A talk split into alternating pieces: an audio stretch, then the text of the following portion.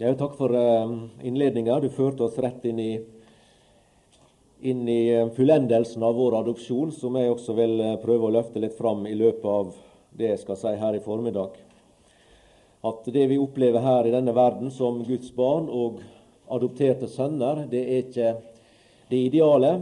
Vi skal oppleve idealet i den kommende verden når Han skal komme tilbake og ta oss til seg og føre oss inn i den evige herlighet og salighet.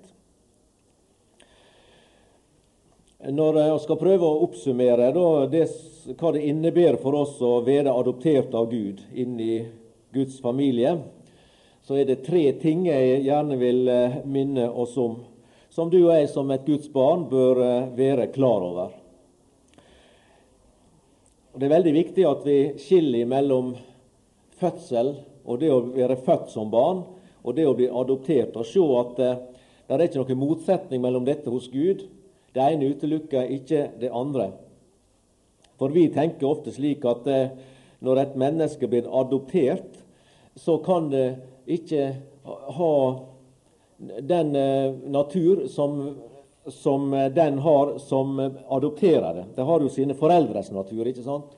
Og så tenker vi som sånn at eh, dette med adopsjon det kan jo ikke stemme, fordi at det blir adoptert, og er jo ikke ekte barn av Gud. Og Derfor er det om å gjøre å se denne dobbeltsida og se denne sammenhengen som dette står i. At Gud han gjør begge deler med et menneske som blir frelst. Han gjenfører oss, gir oss et nytt liv, vi blir født av Gud gjennom ei skaperakt av Gud i oss. Og i og med det så påtar han seg formelt og juridisk en forpliktelse på oss. Han adopterer oss samtidig som sønner inn i sin familie. Og det vil si at han tar på seg alt. Alle krav som måtte ligge i fortida, all gjeld og all skyld som ligger i fortida. Alt dette her, det tar han hånd om og tilintetgjør og vi får starte på nytt som eh, sønner og døtre i Guds familie. Og eh, det har, som er det første jeg vil minne oss om, da, det er at adopsjon, å bli adoptert inn i Guds familie, det er ikke forandring av natur. Men det det er, det er forandring av status. Det er veldig viktig å ha klart for oss at det er statusforandring, det som skjer. Og Jeg tenkte litt eh, på liksom, om de kunne finne en enkel måte å, å, få et bilde som kan gi oss i hvert fall en viss pekepinn om hva jeg gjerne vil ha fram. Og Hvis du tenker tilbake noen år, så skjedde det i et land i Øst-Europa, jeg tenker på Romania. Der var det en eh, diktator, en dispot, som styrte landet i mange år. Og Han styrte landet i grøfta, det vet vi. Han eh, regjerte med hard hand med sitt eh, eh, politi og, og, og, disse kreftene som han hadde til disposisjon. Og mange opposisjonelle ble satt i fengsel. Og ikke bare det, men folket sin levestandard den sank betraktelig. Vi vet at de rasjonerte jo strøm og lys midt på hardeste vinteren, og folk bokstavelig talt frøs i hjel eh, i eh, siste fasen av hans regjeringstid. Og det var mye elendighet som skjedde i det landet. Fordi at når han da Når opprøret kom og han eh, gikk av Han ble jo eh, etterpå, veit vi, stilt for en domstol og henretta. Så Og den vestlige verden, altså Vest-Europa, Norge, Skandinavia, England osv., fikk komme inn der og se hvordan landet var, og hvordan folket hadde det så ble det åpenbart den største nød og den største fortvilelse. Og du husker sikkert, du så sikkert på TV, du som jeg gjorde, disse groteske bilder fra ulike barneheimer og ulike sammenhenger, der små barn og ungdom levde i den verste eh, fornedrelse, vil jeg si. Både friske barn og ungdom og de som var handikappa på et eller annet slag. Det var scener som var ubeskrivelige, og det rørte våre hjerter. Og det rørte hjertet slik at det folk i Vesten satte i gang med, med eh, å samle inn eh, penger og samle inn eh, klær og sko og mat og medisin og alt dette her. Kanskje du var med på det, du også. Og der gikk trailerlass på trailerlass nedover til Romania for å hjelpe litt på nøden og hjelpe litt på Og det var jo bra, og det var jo fint. Og det, og det hjelpte til en viss grad.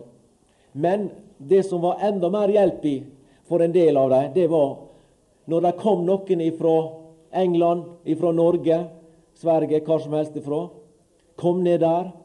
Og så kom de inn i et barnehjem eksempel, og så denne nøden og denne fortvilelsen. Og så valgte de seg ut et barn, og gjennom uh, juridiske transaksjoner og sånne ting, så adopterte de dette barnet og fikk det med seg tilbake igjen til Norge. Og Det ble et nytt liv for dette barnet. Det ble en ny status, det ble en ny sammenheng. Vekk ifra elendigheten, vekk ifra ydmykelsen, vekk ifra nøden og vekk ifra svolten og alt dette her, og inn i en norsk sammenheng, i en norsk familie med norsk levestandard, med varme klær, hus og heim og kjærlighet og omsorg fra de nye foreldrene. Du kan tenke deg at det var som å komme til himmelen for et sånt barn og flytte til Norge ifra det, det de opplevde der. Det var ikke endring av natur. De hadde, de hadde sin natur med seg. Det var ikke endring av natur, men en enorm forandring i status.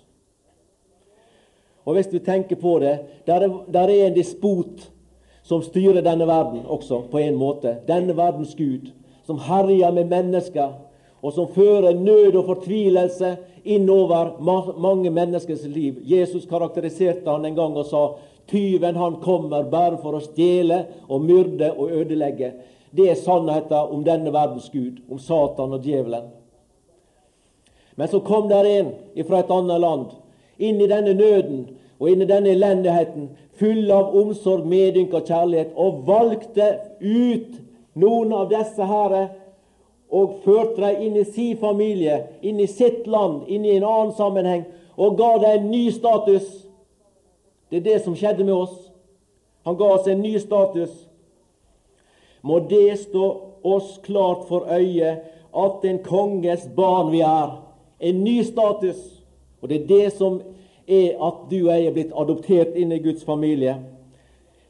Vi har også fått en ny natur, men det har med fødselen å gjøre. Det har ikke med adopsjonen å gjøre. Når Gud adopterer oss inn i sin familie som sønner, så tar Han oss ut av den gamle sammenheng og rykker oss ut ifra Satans makt og ifra denne verdens Guds innflytelse og det som har knytta oss til den falne slekt, til Adams barn, og sett oss inn i sin elskede sønns rike, inn i sin familie, og gir oss status som kongebarn. Og Hvis ikke vi ser forskjellen og sammenhengen her mellom fødsel og, og, adopsjon, så mister vi verdien av hva det vil si for oss som Guds barn å bli adoptert av Gud. Og den har en enorm verdi for oss, nemlig det at Gud har tatt oss ut av den gamle sammenheng og gitt oss en ny status i en ny sammenheng. Det er med på å trygge vårt forhold som et Guds barn. Det er med på å forsterke vår visshet om at vi hører Gud til. Fordi at det adopsjon det er nemlig en erklæring som Gud gir om oss. Det er Han som tar initiativet. Det er Han som adopterer oss inn i familien. Det er Han som setter oss inn. Det er Han som godtar oss. Det er Han som vedkjenner seg oss som sønner og døtre. Og dette valget Gud gjør, det er et uomstøtelig valg. Han går ikke tilbake på dette valg. For når han først har valgt oss ut og satt oss inn i den nye sammenheng, så er vi inn i den nye sammenheng. Dere, som vi hører, dere har ikke utvalgt meg, jeg har utvalgt dere. Du og jeg hadde ikke innflytelse på det valget som Gud gjorde der i adopsjon. Han valgte oss ut og adopterte oss. Det var et, noe som han gjorde av fri vilje. Og Gjennom det så anerkjenner han oss som sønner, og innsetter oss i familien som sønner, og vedkjenner oss som sønner. Og det betyr at som sønner, skal komme litt tilbake til det litt senere, så er vi arvinger. Det er knyttet til status i familien. Så det er ikke avhengig av oss, men det er avhengig av, av Guds nådige valg når Han til en synder sier når synderen blir frelst, i frelsesøyeblikket og gjennom det som skjer. Det er så mange ting som skjer når et menneske blir frelst, samtidig. Men når Gud sier 'Du er min sønn, jeg har født deg i dag', så er det et initiativ som han tar. Du er min sønn, jeg har født deg i dag. I dag har jeg ført deg inn i min familie. Fra i dag av anerkjenner jeg deg som min sønn. Ikke bare som barn, men også som sønn. Det vil si at Gud han gir oss sin natur gjennom fødsel, og så gir han oss status som sønner gjennom adopsjon. Og Når du og jeg ser på oss sjøle, og det, det, det, er litt fortvilende dette her, at det, i den status og stilling vi er i, som vi sang i denne fine sangen her, den står eh, i kontrast ofte til våre egne opplevelser og erfaringer av oss sjøle som mennesker i denne verden. Det er jo ganske fortvila. Altså når, når vi tenker på oss sjøl og, og, tenker oss som Guds barn, og så ser vi på liksom praksis, så føler vi ofte på det at det er ikke mye tegn i våre liv på denne, dette familieforholdet. Og det kan nær sagt drive oss til fortvilelse at vi på den ene sida veit at som frelste, så er vi Guds barn, og Gud er vår far. Vi er barn av Gud, den evige far. Også når vi da tenker på hvordan vi liksom Når vi skal uh, tenke at vi burde leve liksom i, i verdig dette kall som vi er kalt med, at vi er kongesønner og, og, og dette, det forplikter, ikke sant? Bare tenk på vår egen kongefamilie. Det, øh, det er klart at det, Jeg går ut fra at de gjennom oppveksten og oppdragelsen har altså jeg tenker på barna da, har mer enn én en gang fått hørt det at husk på hvem du er og hva slags sammenheng du er i. Du du er kongebarn, og det forplikter. Eh, du, du, bør ikke tillate deg hva som helst. Du bør ikke velge hva som helst slags omgangskrets osv. Det er en viss forpliktelse i, i å vise at du, du, lever i forhold til uh, den du er, og den bakgrunnen du har, og den familie du kommer fra. Og du og jeg, vi er, vi er Guds sønner, vi hører med den, den himmelske familie. Og det, det forplikter. Og det er fortvilende å oppleve for oss mange ganger når vi ser hvor lite vi tar disse forpliktelsene på alvor, og hvor mange ganger vi opplever for oss sjøl at eh, nei, jeg lever min Herre og Frelser og min Far til skam og til vanære i stedet for å uh, leve til Hans ære i denne verden. Men i denne fortvilelsen og i disse rare tankene og, og, og, som vi kan få, og som kan være med på å skyggelegge en del av gleden og, og tryggheten i det å leve med Jesus, så er det om å gjøre for oss at vi holder klart for oss dette her, at tryggheten og vissheten i vårt forhold til Gud, den ligger ikke i oss, og ikke knytta til hva vi gjør og ikke gjør, og hvordan vi har suksess eller ikke har suksess. Det er ikke knytta på den sida, men det er knytta i Det er knytta ved det at vi tror på Kristus. Det er gjennom det at vi er blitt Guds barn. Det sier Galaterbrevet, det tredje kapittel, og vers 26. Der kommer det klart fram at uh, å, å, være et Guds barn, det er ikke noe som vi har gjort oss til av oss sjøle. Det er ikke noe som vi kan bli gjennom et eller annet hokus pokus. Um, det er ikke noe som skjer etter initiativ fra, fra mennesket, men det er noe som skjer etter initiativ fra mennesket Gud, og så knytter Gud oss til Kristus gjennom denne mekanismen som heter tru, som også er et Guds verk. Av nåde er dere frelst ved tru, og det er ikke av dere sjøle, det er Guds gave. Og Vi leser også i Romerbrevet, det tiende kapittel, at det, der står det at troen kommer.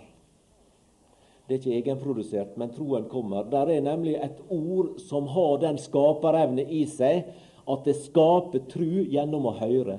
Og Det er evangeliets ord. Det sier Paulus også i Romerbrevet 10. Og Derfor så kaller han det det. Han kaller ordet det det er. Han, sier, han kaller det og sier troens ord som vi forkynner. Troens ord. Jeg blir så glad i det uttrykket. For det betyr at når evangeliet blir forkynt, og folk hører det, så har det en evne i seg, det har en kraft i seg, som virker truskapende når det blir tatt imot. Ordet sjøl skaper tru. Troens ord som vi forkynner. Men da sier han videre der at derfor er det om å gjøre å forkynne. For hvordan kan de tru når det ikke blir forkynt? Og hvordan kan de høre når ingen er der å forkynne? Så sier han da at troen kommer av forkynnelsen, og forkynnelsen skjer ved Kristi ord. Og her står det i Galaterbrevet 3, vers 26.: Alle er dere jo Guds barn ved troen på Kristus Jesus. Det er altså ikke noe, en prestasjon i vårt eget sinn, det er ikke utgangspunkt i vår egen tanke, dette med å bli et Guds barn. Men det er ved tru på den Herre Jesus Kristus at vi blir et Guds barn. Alle er dere jo Guds barn ved troen på Kristus Jesus. Vi er adoptert inn i Guds familie ved, som vi hørte i går, ved Kristi oppstandelse fra de døde. Han, Jesus, betalte all vår skyld og all vår gjeld. Han tok vår straff på seg. Han sona all vår synd. Og Jeg har plukka ut to eh,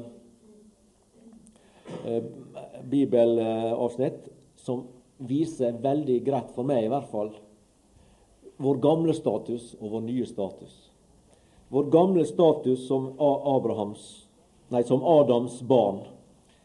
Det vil eh, slår opp i Efeserbrevet kapittel 2. Vi har vært delvis inne på det før. Men nå skal vi lese det i sammenheng der.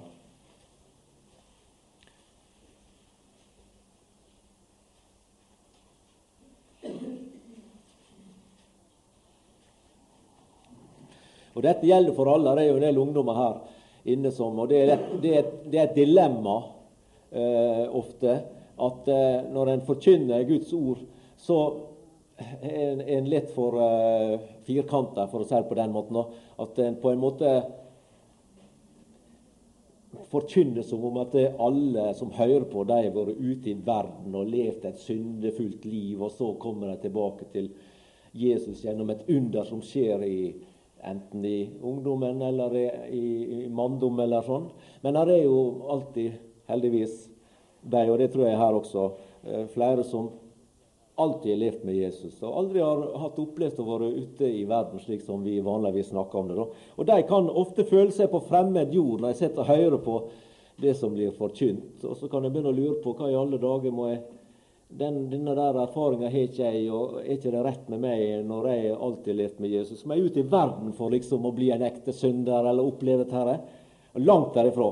Men det som jeg holder fram her, det, det er noe som også egentlig er ditt, selv om du ikke har den erfaring. Så er det egentlig dette som Fordi alle mennesker blir født. De blir født med denne arven fra fedrene som jeg var inne på. Og gjennom arven fra fedrene så har vi i grunn, selv om en ikke har erfart så veldig mye av, så har en i grunn en gammel status som et Adams barn, som en synder i den forstand. Selv om en alltid har levd i tro på Jesus.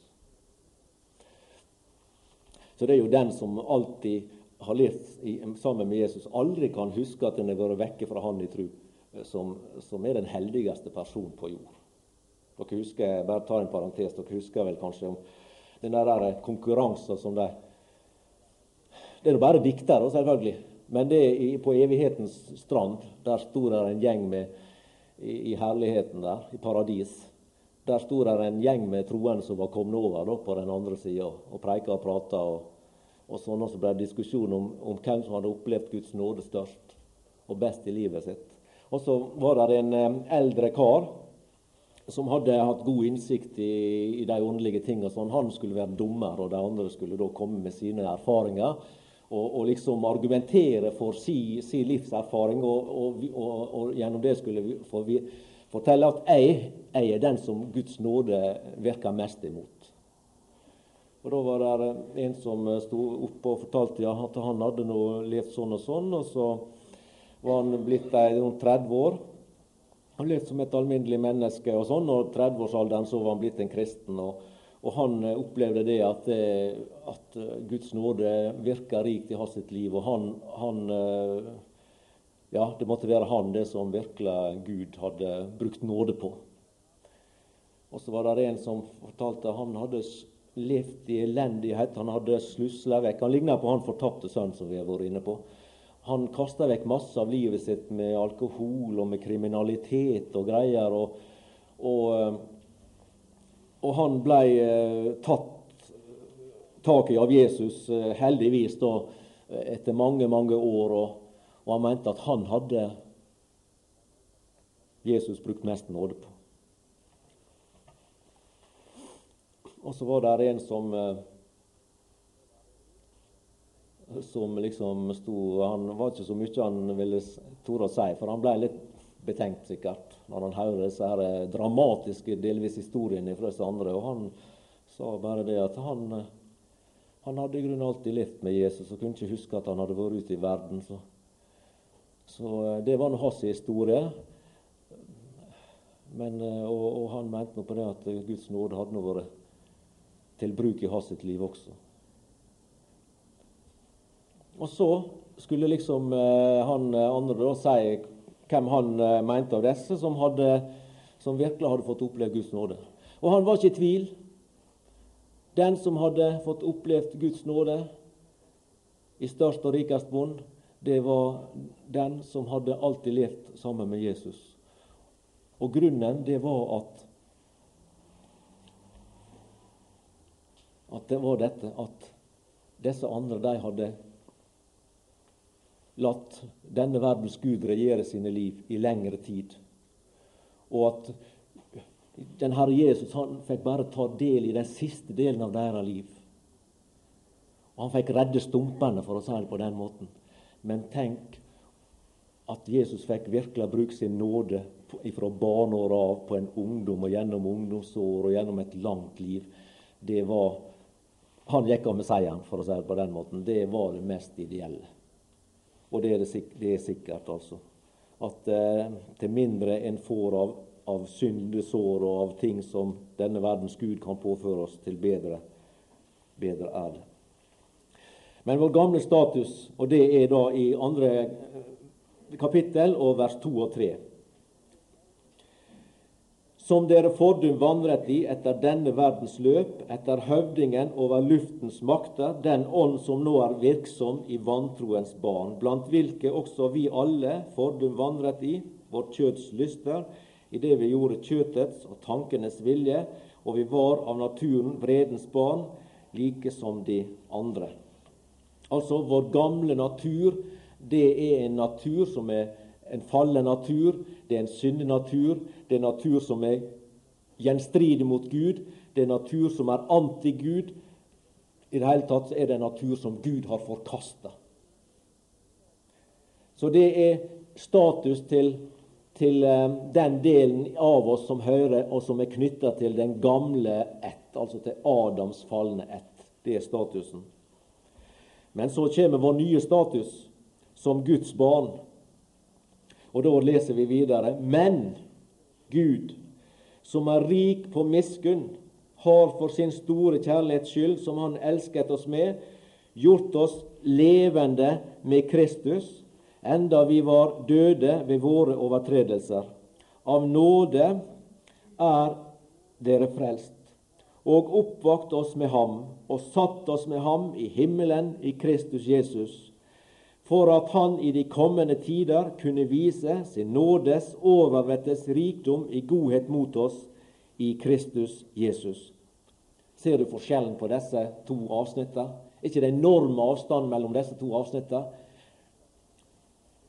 Å vandre etter denne verdens løp, å vandre etter våre kjøds lyster, å gjøre kjød og tankenes vilje, og bare være knytta til den natur som har fallet i seg.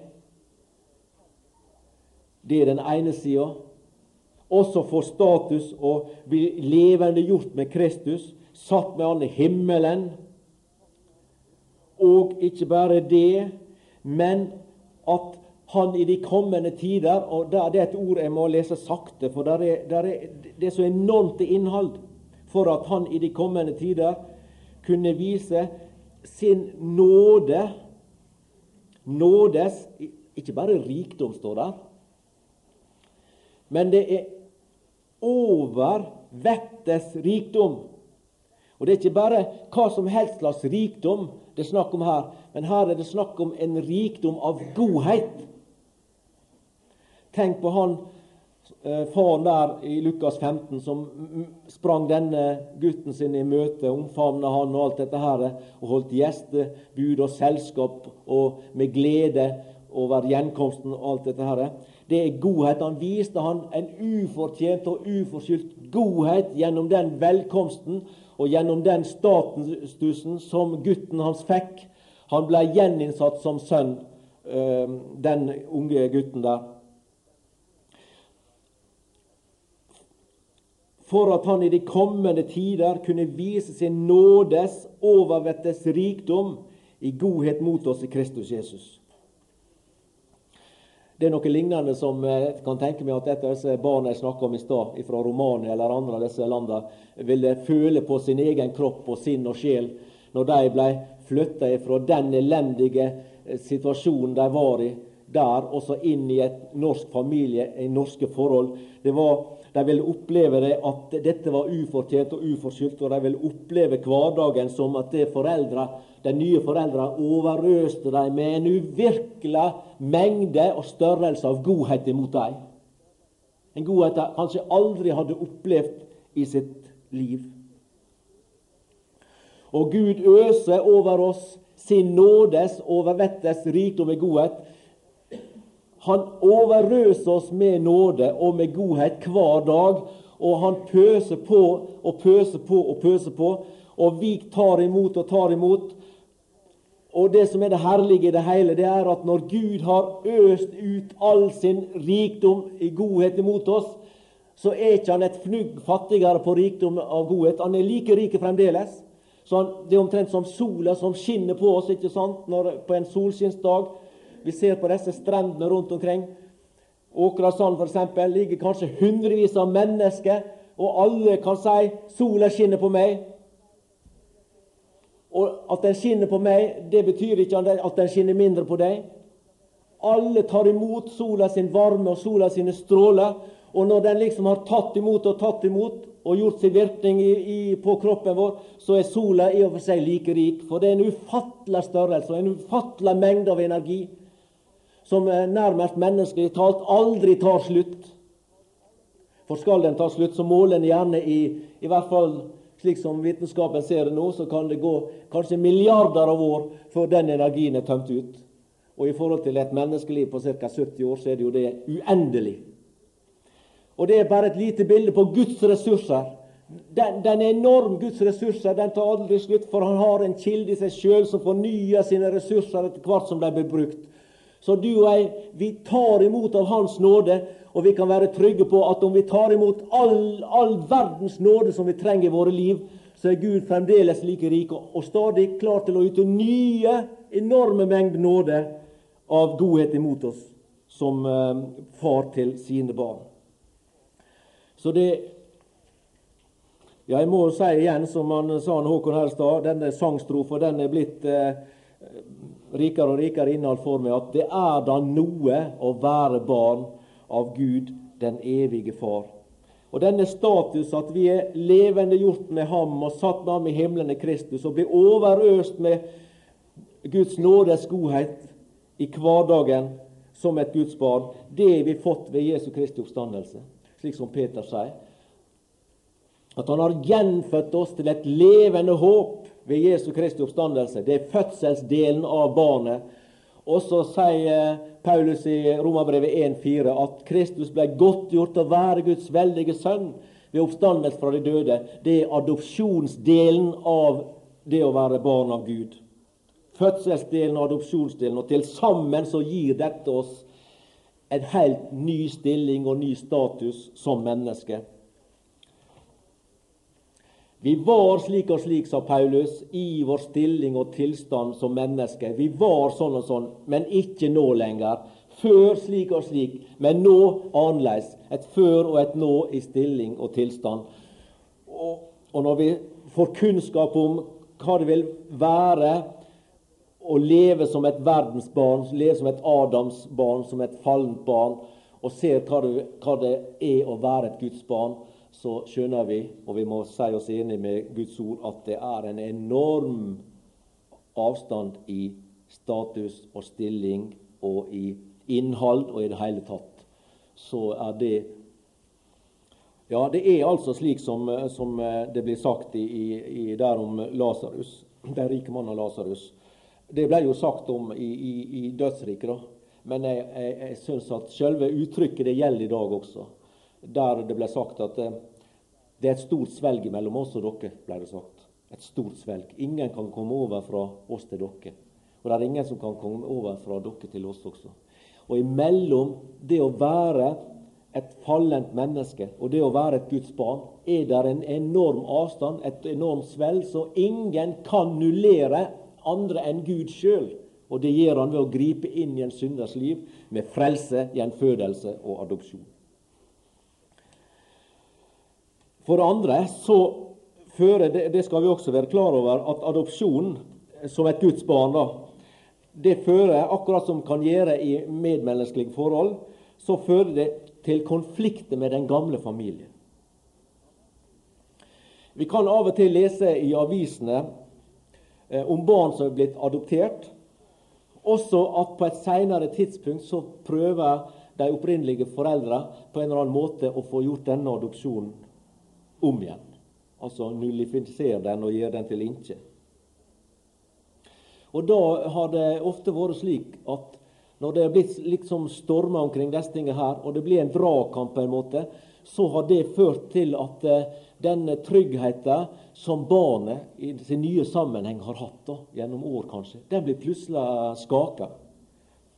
Og, og, og, og, og, barnet kan begynne å føle seg usikkert, og en blir dratt i begge retninger. Og det er klart at det, det som da er om å gjøre for de, den nye situasjonen, det er jo at de som har retten, de holder fram retten og viser at det er de som har det legale ansvaret, de som har den juridiske retten.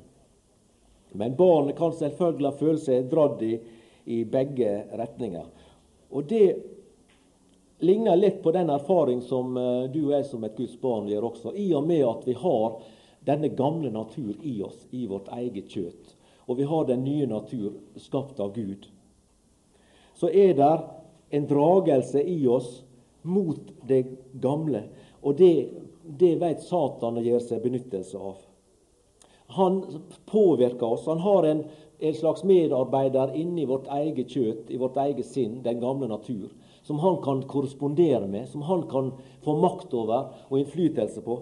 Og så prøver han gjennom det å påvirke oss, prøver å lure oss, prøver å, å, å på en måte få oss på glattisen og prøver å få oss til fall og nederlag, slik som jeg nevnte litt om i går.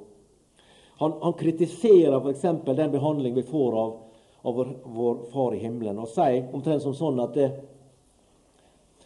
ja, Det kan jo gjelde for oss som har, har vært en, en, del ute i verden og så er kommet, eh, blitt frelst slik at vi har et tidligere liv å, å tenke på som ufrelste, så kan han liksom vise til at eh, Se nå, du som en kristen, i de år du har levd på som kristen. Se alle de problemer du har møtt. Se på alle de vanskelighetene som du, som du har hatt som en kristen. Se på alle de skuffelser du har møtt. Se på alle de lidelser du har hatt etter at du ble et Guds barn. Hva vitner det om? Kan han komme med? Ja, det må jo vel være et bevis på det at Gud han er egentlig ikke glad i det. For hvis Gud virkelig elsker deg og var glad i deg, så vil han jo skåne deg for det. Han vil jo holde deg vekke fra alt dette. Han vil ikke la bekymringer slippe til i livet ditt. Han vil ikke la skuffelser komme inn i livet ditt. Han vil ikke sende prøvelser, vanskeligheter, sykdom kanskje, lidelse. Det er jo klart at dette her vitner om at eh, Gud han sier én ting og gjør noe annet. Og hvis vi hører på Han, og hører på slike stemmer, så kan jo det få oss til å bli litt usikre. Ja, mon tru, mon tru, har han kanskje litt rett, eller hvordan er det? eller til dere ungdommer som eh, alltid har levd med Jesus, så kan han liksom begynne å peke på at ja, men se, Kikk nå litt på de andre. Se på disse her um, jamaldringene dine som lever som, som ikke-kristne. Se, har ikke de det skøy? Har ikke de det gøy? Mye mer liv og, og røre der. Mye mer fart og spenning der. Du lever som en ung kristen, og det er kjedelig. Og grått og alt dette. Gledesløst kan han, han kan komme med sånne ting. Og så, bli, og så, kan vi høre på hans stemme, og så kan vi gjøre som ja, han salmisten. Var det Asaf, mon tru? At de så på de ugudelige. Kikka på deres liksom, hvordan Og så begynner han å virre litt att og fram, og, og det ble litt trasig for ham. Og Slik kan det bli med oss også. Han griper fatt i denne her slangen. Han er slange fremdeles. Han er tyv og røver og kjeltring fremdeles, eh, denne slangen fra Edens hage. Han manøvrerer også i oss som troende i vårt eget kjøtt. Og han manøvrerer i, i, blant mennesker, og like inn i familier og like inn i troens forsamling manøvrerer han og driver og stjeler og myrder og ødelegger den dag i dag. Slik kan han komme. Tenk på dine kamerater, og tenk på alt du går glipp av i verden. og alt dette her, her kan han komme med.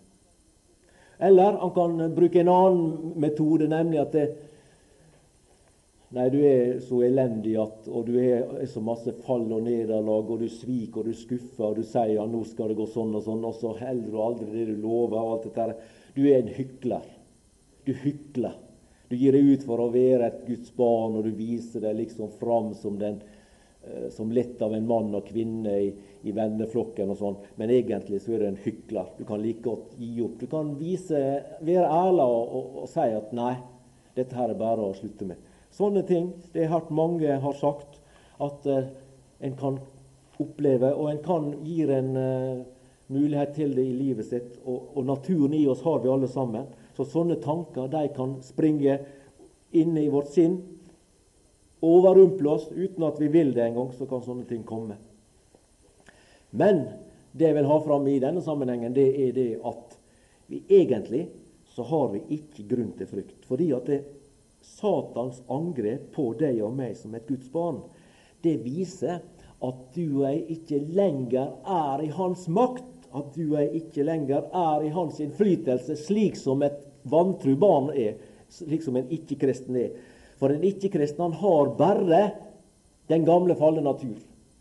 Mens du og jeg, vi har eh, Guds natur i oss også. Og det er derfor at den vonde angriper oss på den måten han gjør. Det er nettopp et vitnesbyrd om at du og jeg er ute av hans innflytelse. Og det ergrer han til den grad.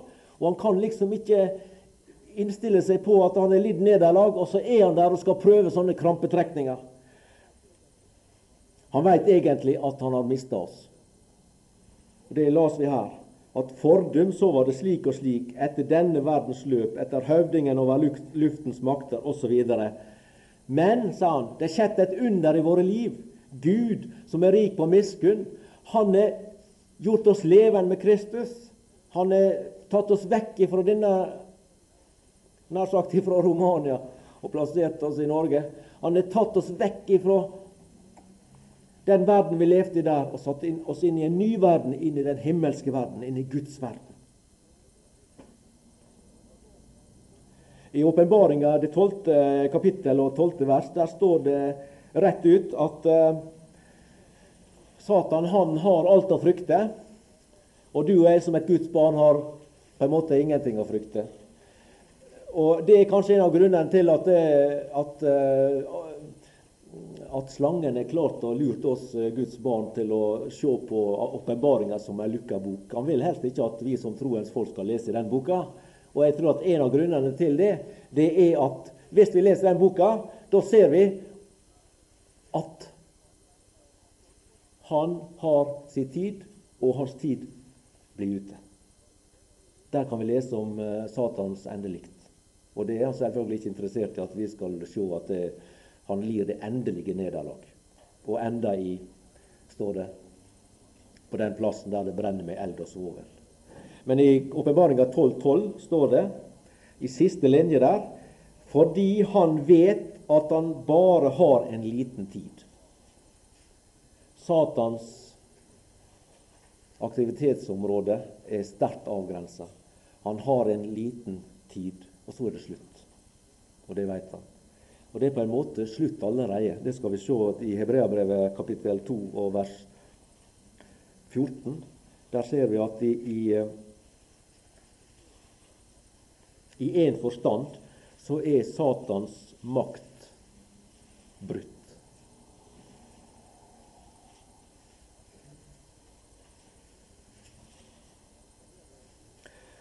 Hebreabrevet 2 og vers 14.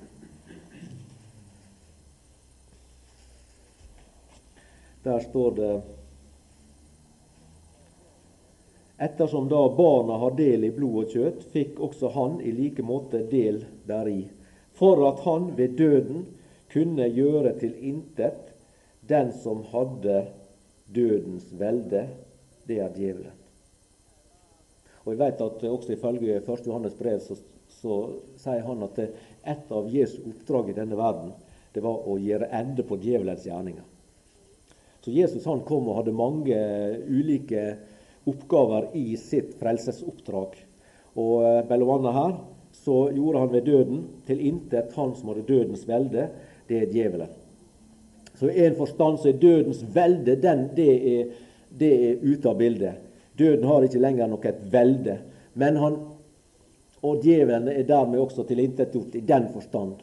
Men han er i verden fremdeles denne verdens gud, og han vil være det inntil eh, det vi leser om i åpenbaringsboka, at eh, da blir han kasta i ildsjøen. Men du og jeg, vi eh, har ikke noen grunn til frykt, fordi at det er han som tilintetgjorde døden. Og han som hadde dødens velde, djevelen, det er vår frelser. Det er under hans beskyttelse vi lever.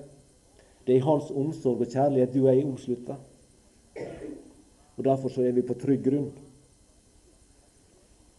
Konflikt oppstår. Og Grunnen til at konflikt oppstår, det er fordi vi nå er i den nye familie. Og konflikt oppstår med den gamle familie. Og det er et, og vitnesbyrd om at du og jeg lever i den nye familie, at disse konfliktene oppstår. Hvis vi fremdeles levde i verden så ville ikke konflikten oppstå. For det var ikke noe å ha konflikt i forhold til. Og det ser vi når vi leser i Galaterbrevet 5 også. Der er konflikter i vårt eget kjøtt. Der er konflikter pga. denne verdens Gud og makter og myndigheter i himmelrommet som kjemper imot den Herre Jesus Kristus, som vi også blir påvirka av, ehm, og som han prøver å påvirke til fall og til nederlag, til synd osv. Hvis vi ser der i Galaterbrevet, det femte kapittel, så ser vi denne konflikten som, som, går for seg i en kristens liv. Den konflikten eksisterer ikke i et vantru menneske, i en ikke-kristen. Vers 16. Eh, Men jeg sier, vandre i Ånden, så skal dere ikke fullbyrde kjødets begjæring. For kjødet begjærer mot Ånden, og ånden imot kjøtet. De står hverandre imot, så dere ikke skal gjøre det de vil. Men dersom vi drives av ånden, da er det ikke under loven, men kjødets gjerninger. Kjødets gjerninger er åpenbare så som. Og så skal vi lese det. Og det er den gamle natur sine ytringer. Dette er ytringer av den gamle natur. Det er slike ting som hører til den gamle familie. Så som Utukt, urenhet, skamløshet, avgudsdyrkelse, trolldom, fiendskap, kiv, avvind, vrede, stridigheter, tvedrakt, partier, misunnelse, mord, drikk, svir og annet slikt. Om dette sier jeg dere forut, liksom jeg òg forut har sagt, at de som gjør sådant, skal ikke arve Guds rike. Men og så kommer frukten av det nye liv. Så kommer frukten av den nye natur, som kommer frukten av det som er knytta til Guds skaperverk i oss. Men Åndens frukt er kjærlighet, glede, fred, langmodighet, mildhet, godhet, trofasthet, saktmodighet, avholdenhet. Mot slike er loven ikke. Men de som hører Kristus Jesus til, har korsfestet kjøtet med dens lyster og begjæringer. Derfor, nei, dersom vi lever i Ånden, da la oss også vandre i Ånden. La oss ikke ha lyst til tom ære, så vi egger hverandre og bærer avvind imot hverandre. Men du ser den enorme avstanden her er mellom det som knytter oss til det gamle, og det som knytter oss til det nye. Ikke sant? Du ser. Men kjødets gjerninger er åpenbare så som Hør den lista. Jeg skal ikke lese den om igjen, men den lista. ikke sant? Det er jo, det er jo bare minusord. Bare ord som drar oss ned i søla, som drar oss ned i alt dette vonde og vanskelige og forferdelige. Og så se på åndens frukt i vers 22 hva som blir løfta fram der, og som liksom er resultatet av det nye liv, og som blir skapt som er frukt av det nye liv. Det å være et Guds barn. Kjærlighet, glede, fred. Imot dette som kjøttet representerer. Ja, Det er ikke rart at Bibelen bruker slike voldsomme ord når, skal, når han skal eh, fortelle oss hva som skjer når et menneske blir frelst. og snakker om gå, snakker om fra døden til livet. Det er, jo, det er jo enormt. Og, og, og, Bibelen sier 'fra Satans makt til Gud'. Og de snakker om 'fra mørket til lys'. Det er sånne motsetninger at vi virkelig forstår at, at det er sånne enorme avstander. Og vi skjønner hva slags under som har skjedd i våre liv når dette er noe som hører oss til. At Gud har grepet inn på en sånn måte i våre liv at vi i dag lever i lyset. Vi lever i Guds rike. Vi lever i den himmelske atmosfære. Vi lever i, i Guds familie. Vi lever i den nye pakt. Vi lever med framtid og håp som fører oss inn i en verden der Gud er. Også det gamle som knytter oss til mørket, til synd og til nederlag og til vondskap, og knytter oss bare til denne verden og knytter oss til dum, også hvis vi tenker det i framtida. Og jeg så en hvit trone osv. Og, og bøker ble åpna. En forferdelig framtid for de som bare lever etter den, etter det liv, og som bare har den slekt og, i sitt liv og knytta til Adams slekt.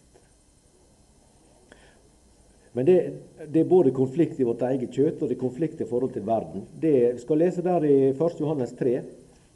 Det er avsnittet vi har lest mange ganger, men, men uh, Den siste delen i vers 1 forteller litt om det. Se hvor stor kjærlighet Faderen har vist oss, at vi skal kalles Guds barn. Og det er vi. Og så kommer det jeg har bruk for her. Derfor kjenner ikke verden oss. For vi er Guds barn. Det er vi. Derfor kjenner ikke verden oss. Fordi de ikke kjenner Ham. Det betyr at eh, verden, det er Adams barn. Vi er Guds barn. De lever i, etter sin natur. Vi har Guds natur. De lever i sin familie, jeg lever i min nye familie. Og fordi at jeg har den natur og den status og det som knytter meg til den nye familie, det er fremmed for dem. Derfor så forstår ikke de oss. Og Derfor så kan de komme med kritikk, og de kan synes mye rart om oss som hører Jesus til, og si mye rart om oss også. Fordi de, de skjønner ikke det.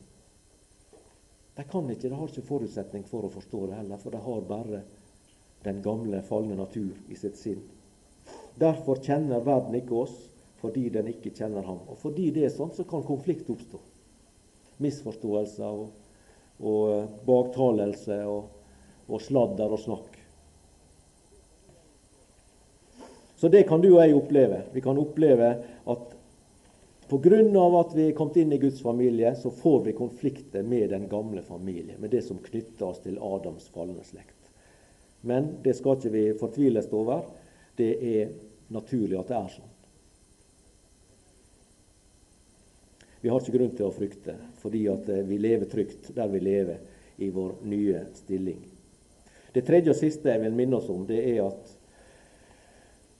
Nytestamentets lære om adopsjon det forteller at adopsjon den er ikke fullendt før i den evige verden. Den får sin fullendelse i oppstandelsen. Og salige er den, sier ordet, som har del i den første oppstandelse. Og den første oppstandelse, den vil du og jeg få del i, som hører Kristus til, og som lever i Guds familie. Jeg skal lese videre der i 1. Johannes 3. I elskede, nå er vi Guds barn. Det er fastslått, du og jeg som lever her i denne verden i tro på den Herre Jesus.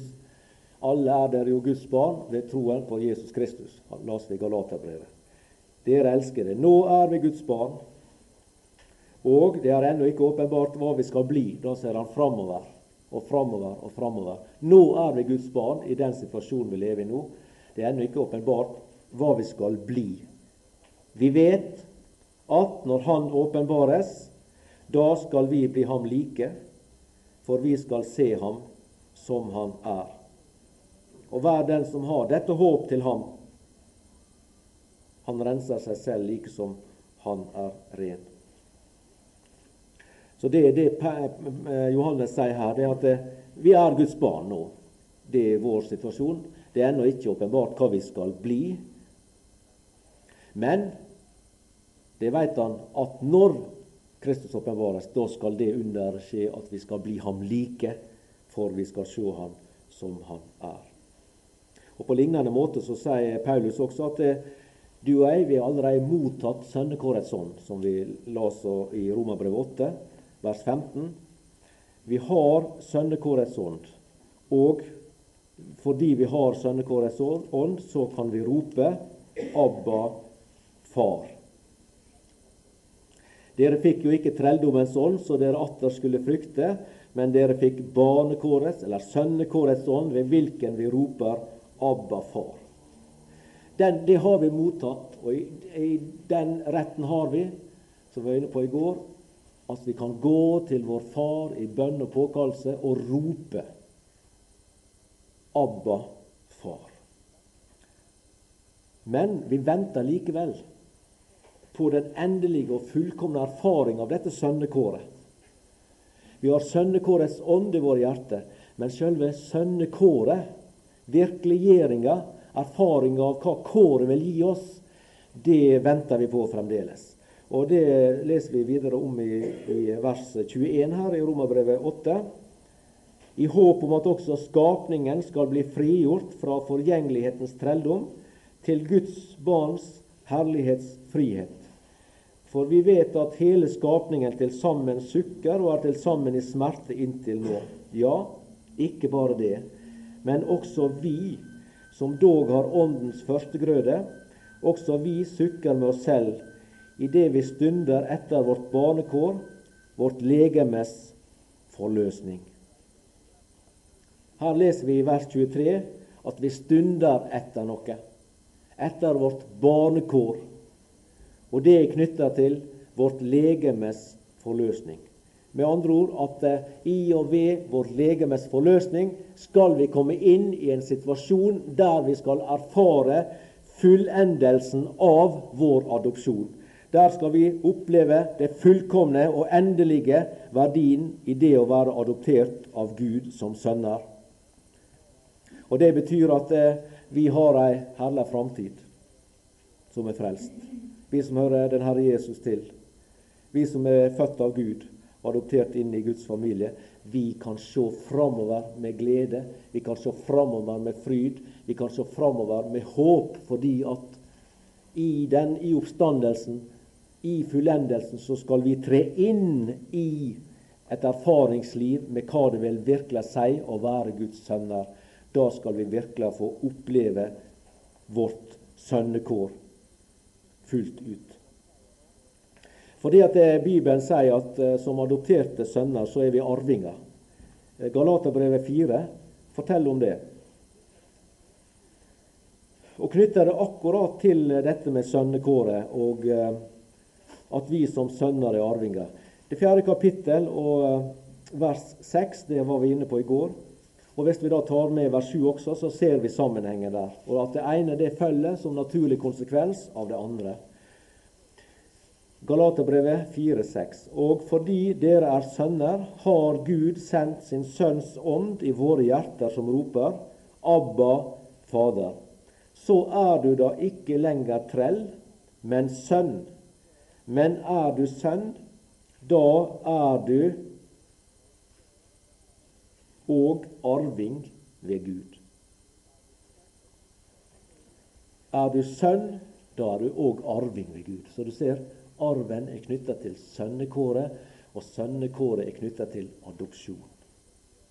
Så i den kommende verden skal du og jeg få ta arven i besittelse. Og for å være sikker på at du og jeg ikke skal gå i uvisse om dette her, så har Gud som far på en forunderlig måte eh, sikre oss. La vi gå til Efeserbrevet 1, det siste jeg skal ta med i dag. Efeserbrevet 1. Der leser vi i vers 13 og 14 at Gud han har gitt oss noe, slik at vi allerede på denne sida kan være trygge på at vi en dag skal, skal, få ta vår himmelske arv i besittelse. Vi slipper å tvile på det. Vi slipper å leve i uvisse om det. Vi slipper å gå og lure munn, munn, munn. Er det virkelig tilfellet? Kan jeg virkelig tro dette her? Eller, eller må jeg leve sånn som enkelte sier? Og det, det, er forferdelig at det blir sagt, men det blir virkelig sagt av og til at det, vi veit ikke før på dommens dag om vi blir sendt på den høyre enn den venstre sida. Altså, vi kan ikke vite her i livet om vi virkelig får leve med Gud i evigheten. Det er jo helt borti natta at det kan bli sagt, men det blir sagt. Og det er en total misforståelse av evangeliet. Dette har jeg skrevet til dere, leser vi, for at dere skal vite at dere har evig liv. Det er jo om å gjøre for Gud å, forsikre oss om at vi hører Han til, og at vi er i Hans omsorg kjærlighet, slik som vi har prøvd å løfte fram her i disse møter. Og der leser vi i ham har også dere, da dere hadde hørt sannhetens ord, evangeliet om deres frelse. I ham har dere også, da dere var kommet til troen, fått til innseil Den hellige ånd som var oss lovt. Han som er pantet på vår arv til eiendomsfolkets forløsning, hans herlighet til pris. Den hellige ånd er gitt oss av Far som et pant på vår arv. Og, og når vi da veit at vi, Den hellige ånd bor i våre hjerter, som vi leser her Vi har fått det til innsegl, Den hellige ånd. Så er det Guds vitnesbyrd til deg og meg som et Guds barn i dag, at vi er arvinger, vi er sønner. Den hellige ånd er gitt oss som et pant på denne arven. Og det betyr at han forsikrer oss allerede i denne verden at denne arv er vår, og at når tida kommer, så skal den arven realiseres. Vi skal få ta den i evig eie og i besittelse. Og den dagen kan komme når som helst. Og Det jeg vil avslutte med, det er at, eh, at du er som uh, hører den Herre Jesus til, at vi i ventetida, mens vi venter på at denne dagen skal skje, at denne dagen skal komme, at vi, at vi lærer oss til å stole på Han. At vi lærer oss til å hvile i Hans løfte. At vi lærer oss til å regne med Han og Hans ord. Og stole på det Han har sagt. Det holder Han, og det står Han på, og det vil Han gjennomføre. At vi stoler ikke på vår egen kraft, for den er null. Og vår egen evne er også null. Vi er kraftløse, og vi er hjelpeløse. Vi må bare overlate oss til Han. At Han får ta hånd om oss, at Han får ta omsorg for oss.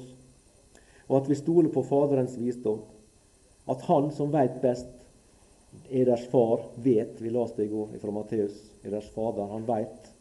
Han veit hva dere trenger til før dere ber Han, sa Jesus og at du og jeg lever hverdagen vår i den visshet og i den trygghet at far han veit alt, og han veit det beste for oss, og at han vil oss det beste, og at han gir oss det vi trenger. At det samvirker til det beste for oss. Når vi kommer på den andre sida, så vil vi nok se det som Romerbrevet sier, at alle ting samvirker til det gode for den som elsker Gud. At vi tror og har tillit til vår Far, at Han vil gi oss det vi trenger både her i verden og i den kommende. Jeg vil takke deg, Herre Jesus, for at uh, denne uendelige rikdom den er blitt meg til del, av nåde uforskyldt. Takk at jeg som et fallent barn nå kan regne meg som et Guds barn, fordi at Gud greip inn i mitt liv, at Gud fødte meg på nytt ved sannhetsord, og at Han adopterte meg inn i sin familie som sønn en nådeshandling og en handling fra Guds side. etter hans egen frie vilje. Ingen tvang han, ingen pressa han. Han gjorde det fritt, av fritt valg og av et stort hjerte og et uendelig hjerte fylt av kjærlighet til fortapte syndere. Takker Jesus at du også tenkte på meg der du hang på Golgata og ropte 'Det er fullbrakt'. Takk for at det var også min, min synd du sonte, min gjeld du betalte, min straff du tok på deg. Takker Jesus at eh, jeg får rekne din seier som min seier, og at jeg får del i din oppstandelse ved trua på deg, og får rekne meg som satt i himmelen i Kristus i dag. Takk for at jeg får også rekne meg at jeg er med i den himmelske slekta, at jeg er i Guds familie. Og så er vi mange som er i den samme familie. Gud har mange barn rundt omkring i verden, og vi er, har den samme natur. Vi er av den samme slekt. Vi har de samme røtter, den samme identitet. Vi er barn av Gud, den evige Fader. Herre, hjelp oss å hjelpe og hjelp å støtte hverandre på himmelen. Hjelp oss å dra omsorg for hverandre som nådesøsken i ei vond og vanskelig tid. Herre, de som er sterke, lær dem å hjelpe dem til å ta ansvar og ta seg av de svake, som ordet sier. Og at vi viser hverandre inderlig kjærlighet og medfølelse og barmhjertighet, slik at vi kan være et vitnesbyrd utad til den falne verden om at det er da noe å være barn av Gud den evige Far, slik at også de i sitt hjerte kunne få lyst til å få del i den rikdom, den nåde, kjærlighet som vi får oppleve i overflod på overflod i vår hverdag. At uh, denne din nåde, denne din fylde av nåde og kjærlighet, den overøser du oss med. Av Hans fylde har vi alle fått, og det er nåde over nåde. Så ber jeg for mine herre som ikke er frelst, og vi løfter fram de forskjellige som har sine her, som ikke er frelst søsken, foreldre, slektninger, arbeidskamerater og andre. Herre Jesus, ber om at evangeliet også må nå inn i deres sinn og hjerte. Du står ved døra og banker, om noen hører, åpner opp, så vil du gå inn. Du trenger ikke det på, du tvinger ingen. Men du vil så gjerne frelse syndere. Det var derfor du kom, og du er like levende interessert i det i dag. Velsign vennene her Gi dem nåde og styrke og mulighet til å fortsette med arbeidet og med tjenesten for deg, og med arbeid med å bringe evangeliet ut også til andre land. Evangeliseringa i de forskjellige land i øst, Russland og andre plasser. Herre, hver sjel er dyrebar for deg. Og når herlighetsdagen opprinner, og vi skal synge vår pris for lammets trone, så vet vi at det skal være noen ifra alle slekter og stammer og folk og tunge. Og Kanskje vi gjennom våre bønner og gjennom våre gaver på ulik vis har vært med på å redde ei sjel for himmelen. Det ville være det ypperste av hva vi kunne oppleve etter å få se våre egne barn og våre nærmeste kjære og nære frelst. Ta det av oss i din nåde i fortsettelsen. Amen.